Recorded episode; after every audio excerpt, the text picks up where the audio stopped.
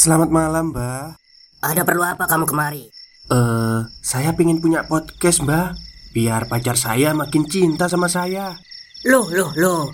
Mau bikin podcast kok tanya dukun? Sekarang kamu download aplikasi Anchor.fm. Di situ kamu bisa buat podcast gratis dan podcast kamu bisa didistribusikan ke platform mana pun. Dan di aplikasi atau website Anchor.fm juga terdapat fitur-fitur yang memudahkan kamu untuk membuat podcast. Oh, gitu ya, Mbak. Kalau gitu, saya boleh minta password wifi-nya, Mbak. Buat apa? Buat download Anchor.fm, Mbak. Ternyata mereka gagal menemukan Ujang. Eyang pun menginterogasi kami satu persatu. Ia menyediakan sebuah pecut yang akan digunakannya untuk menindas kami beserta beberapa macam pertanyaan. Dia mencurigai kami semua terlibat dalam usaha pelarian si Ujang, terutama aku, karena kata Eyang, dirikulah yang paling akrab dengan Ujang selama ini. Kemungkinan besar aku tahu dan ikut membantunya lari dari pondokan. Begitu tudingan Eyang kepadaku. Alih-alih mau mendengar jawaban, ia malah menyiksaku dengan sangat kejam. Aku melolong menahan sakit yang luar biasa. Padahal aku sudah bersumpah bahwa aku tak tahu apa-apa mengenai kaburnya si Ujang itu. Sungguh, aku sudah tak sanggup lagi. Malahan aku berharap jika si Eyang lebih baik langsung membunuhku Dibanding harus menyiksa sedikit demi sedikit seperti sekarang ini. Aku tersungkur ketika Eyang melayangkan satu tendangannya Yang tepat menghantam bagian dadaku. Selebihnya aku tak dapat mengingatnya lagi Apa yang terjadi kemudian Pagi-pagi sekali Aku sudah dipanggil untuk menghadap Eyang dengan sorot mata angker, dia memelototiku dengan dipenuhi bekas keksaan tadi malam. Mungkin saja ia masih belum puas menghajarku dan berniat melanjutkannya pagi ini juga. Ternyata tidak. Dia malah memberi sebuah hukuman lain ketimbang harus memukulku. Hukuman ini berupa sebuah tugas, semacam praktek di lapangan yang biasa aku lakukan. Menurutku tugas tersebut bakal mudah kerjakan Tapi ujung-ujungnya Aku salah mengira. Eyang memerintahkanku untuk beroperasi Di dalam sebuah pasar Dan harus dilaksanakan pada siang hari ini juga Aku melongo mendengar kalimat itu Diriku mesti beraksi di tengah pasar Dan dilakukan di waktu siang hari bolong Mana aku bisa? Jelas itu semua di luar kemampuanku. Memang aku sering latihan langsung di tempat, tapi kebanyakan lokasinya itu hanya rumah-rumah penduduk desa, dan itu pun kukerjakan di waktu malam saja. Menyatroni pasar yang dipenuhi akan manusia siang hari terlalu sulit untukku yang masih tergolong pemula ini belum tentu aku bisa keluar dalam keadaan hidup saat mengerjakan tugas di sana nanti. Resiko untuk ketahuan terlalu tinggi. Aku berupaya menolak, tapi aku juga takut karena tidak melaksanakan perintahnya. Ya, tentu saja ia tidak mau peduli. Ia malah balik mengancam akan membunuhku secara perlahan-lahan jika aku berani menantangnya. Ah, ya, baiklah kalau gitu. Mati dalam menjalankan tugas mungkin jauh lebih menarik dibandingkan harus mati karena disiksa olehnya. Dengan lapang dada, kuturuti juga permintaan Eyang. Kami pun bersiap-siap untuk segera berangkat menuju lokasi tujuan. Sebelum beranjak, kuperhatikan dengan seksama ruangan di pondokan ini bisa jadi ini hari terakhirku menjadi salah satu dari penghuni yang pernah mendiami ini. Teman-teman menatapku dengan rasa iba. Sepertinya mereka juga telah mengetahui kalau aku sedang merencanakan sesuatu. Memanglah, aku telah berniat untuk mengakhiri hidup pada tugas hukuman ini. Sudah saatnya bagiku untuk mengucapkan selamat tinggal kepada mereka semua Teman-teman senasib sependeritaan. Kami berdua tiba di gerbang masuk suatu pasar. Baru pertama kali ini aku mendatangi tempat itu. Nyaliku sempat ciut juga melihat ramainya manusia yang ada di sana Selain takut, aku juga bingung dan ragu pada awalnya Tapi Mengingat tujuanku yang sesungguhnya di sini, kukuatkan saja diriku untuk masuk ke dalamnya. Saat kami dalam perjalanan menuju ke sini tadi, Eyang menjelaskan apa saja yang perlu kulakukan selama berada di pasar. Hanya dalam waktu satu jam, aku harus sudah berhasil mengumpulkan lembaran uang sebanyak yang ia minta.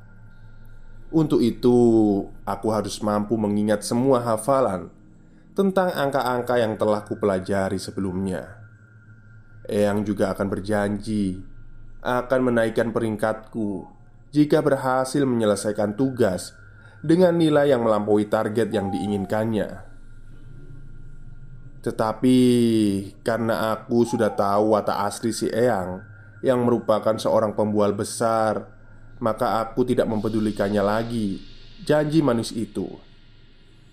Aku hanya ingin melaksanakan tujuan awalku sesegera mungkin.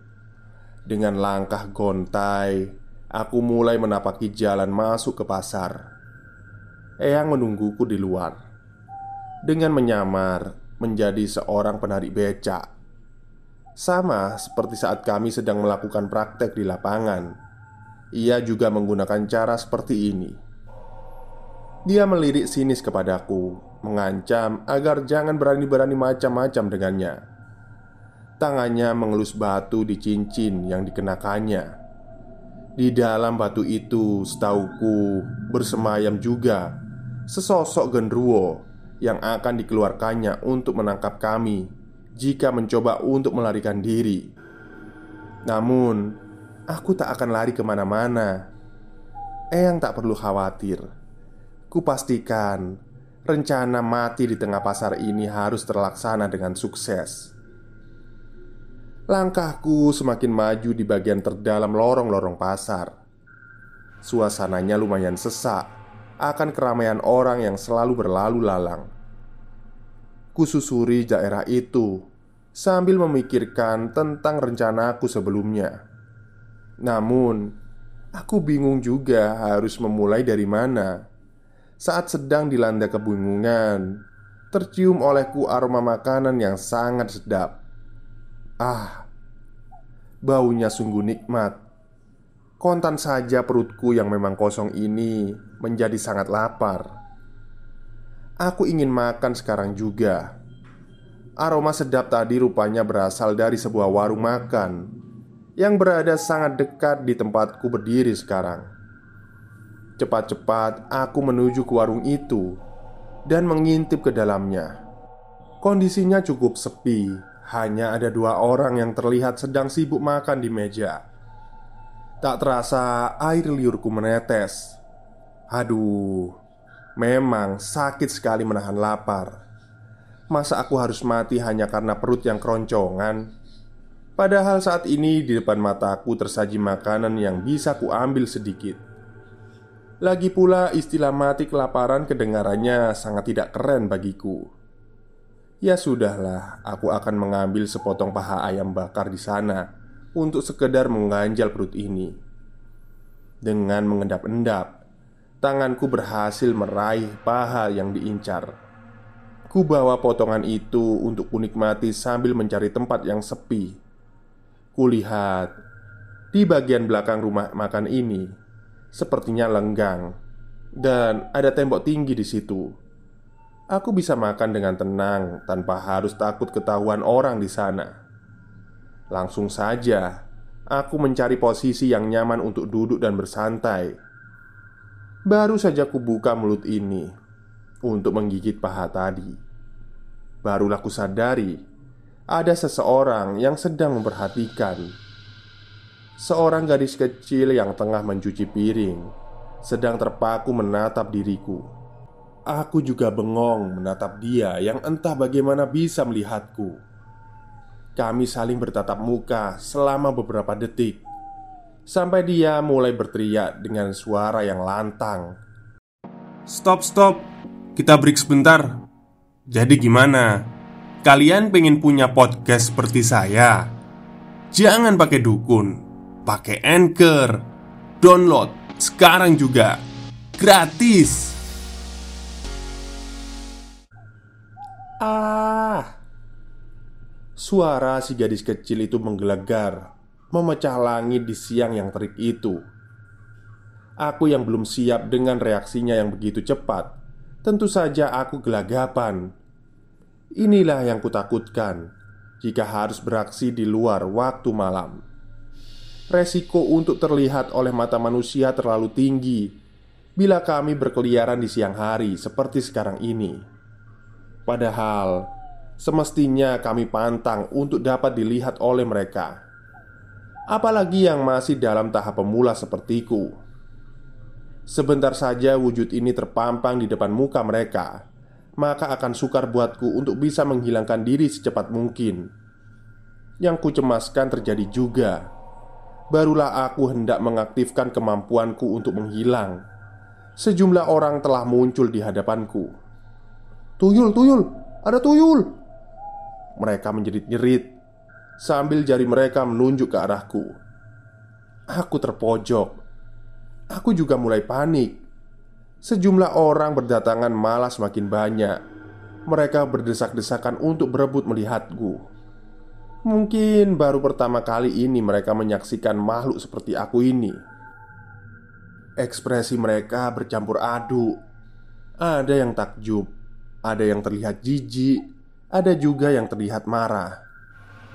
Saat itu aku sudah sangat ketakutan karena terlalu takutnya aku tak bisa berkonsentrasi untuk segera menghilang. Wah, pasti ada yang miara ini, kata seseorang. Mampusin aja sekalian, teriak seseorang lainnya. Tak ayal, ucapan tadi membuat orang-orang itu dengan ganasnya mulai mengeroyokku. Habislah sudah. Mereka meninju, menendang, dan ada pula yang menggunakan senjata ketika menghajar diriku. Sakitnya jangan ditanya, jauh berkali-kali lebih nyeri dibandingkan dengan pukulan yang biasa ku terima dari Eyang. Ah, berdebah kalian semua. Pekikku dalam hati di tengah-tengah aksi pengeroyokan itu, aku teringat kalau diriku masih menyimpan satu kemampuan lagi, yaitu suatu kemampuan khusus untuk merubah bentuk yang hanya bisa digunakan saat berada dalam situasi yang benar-benar genting. Situasi genting itu sendiri sedang terjadi saat ini, dan jika tak segera kugunakan, bisa-bisa aku tewas. Kufokuskan pikiran untuk membayangkan bentuk makhluk yang akan kujelma. Tak perlu waktu lama Kurasakan tubuh ini menjadi bentuk yang lain. Lagi-lagi orang-orang itu kembali memekik. Luluh, kok jadi babi? Wah, babi ngepet ini. Dia babi ngepet. Kerumunan manusia itu semakin mengganas Sama sekali aku tak diberi celah untuk dapat lari dari amukan mereka. Mampusin tuh setan sekalian, mampusin. Teriakan provokatif itu kembali terdengar. Sayang sekali, aku terlalu lelah untuk bisa bergerak cepat. Sedari awal, aku memang sudah terluka dan fisikku dalam keadaan sangat lemah saat memasuki pasar sialan ini. Pada akhirnya aku tak mampu mempertahankan bentuk jelmaanku Yang berubah jadi babi tadi Dan kembali lagi ke wujud asli. Dan kembali lagi Pukulan-pukulan masa yang semakin ramai berkumpul di titik ini. Aku baru tersadar akan rencanaku di awal. Bukannya aku memang sudah meniatkan diri untuk mati di sini. Tapi kenapa aku harus melarikan diri? Ya, biarlah orang-orang ini akan memudahkan jalanku untuk mengakhiri semuanya. Aku bisa tersenyum, bahagia sekarang. Tak lama lagi penderitaan hidup ini akan usai. Digebuki secara brutal seperti ini membuat pandanganku menjadi gelap. Sepertinya aku akan segera binasa. Ya, syukur deh. Tidak, tidak, jangan, jangan, jangan. Suara Eyang mengganggu konsentrasiku. Padahal aku sudah hampir tak sadarkan diri. Saat aku memandangnya, ia sedang berusaha keras menerobos kerumunan yang tengah mengamuk itu. Kenapa Eyang? Apa ia mau menyelamatkanku? Apa dia mau membawaku kembali ke pondok itu? Oh, tidak, kataku. Aku tak ingin kembali lagi ke sana. Aku tak sudi untuk kembali ke tempat terkutuk itu. Aku tak tahan lagi harus disiksa terus-menerus olehnya. Segera saja, Eyang mengangkat tubuhku yang telah lelah tak berdaya ini. Kemudian membawaku berlari menjauh dari keramaian. Sedangkan manusia-manusia itu terlihat tak rela kalau aku harus kehilangan bahan siksaannya. Mereka mengejar Eyang sambil mengeluarkan sumpah serapa mengerikan. Eyang pun berlari sangat kencang. Seisi pasar memburu kami dengan penuh nafsu. Situasi semakin memburuk. Masa kembali bertambah dan semakin memanas. Pekik dari teriakan manusia menggaung di setiap penjuru Dalam gendongan Eyang Aku memberontak untuk minta dilepaskan Aku juga memohon agar lebih baik aku ditinggalkan saja Aku sangat kecewa. Ideku untuk menghabisi nyawa sendiri jadi berantakan karena ulahnya. Aku meronta-ronta sejadi-jadinya. Tapi tetap saja Eyang tak menghiraukannya. Malah ia tetap saja semakin mempercepat larinya. Berlari menjauh dari kejaran masa Yang seolah siap untuk membantai kami berdua. Eyang, tidak Eyang. Aku tak mau lagi kembali ke sana Rintihku. Biar saja aku mati di sini Eyang. Namun Ia tak mendengar. Dan mungkin ia memang tak mau mendengar. Sekali lagi aku berteriak. Dan aku terus berteriak. Tidak yang Tidak. Selesai. Sekian untuk cerita malam ini sob. Aku ucapin terima kasih banyak yang sudah mengikuti ceritanya Sampai jumpa di kisahku yang lain. Terima kasih. Baik, itulah cerita dari tweet Twitter yang dituliskan oleh Mas Indrawan ya Tentang tuyul. Jadi memang dari awal itu memang tulisan ini ternyata adalah cerita fiktif belaka. Tapi menarik juga ya. Bagus kok tulisannya. Ini adalah sisi lain dari tuyul yang ternyata selama ini kita anggap Mereka itu jahat Ternyata mereka itu adalah makhluk yang juga tersakiti oleh manusia Ya jadi tuyul itu sebelum mereka bisa mencuri itu ternyata diajari dulu biar tahu jenis-jenis uang gitu. Baru tahu juga sih. Oke, mungkin itu saja yang bisa saya ceritakan pada malam hari ini. Kurang lebihnya saya mohon maaf. Wassalamualaikum warahmatullahi wabarakatuh.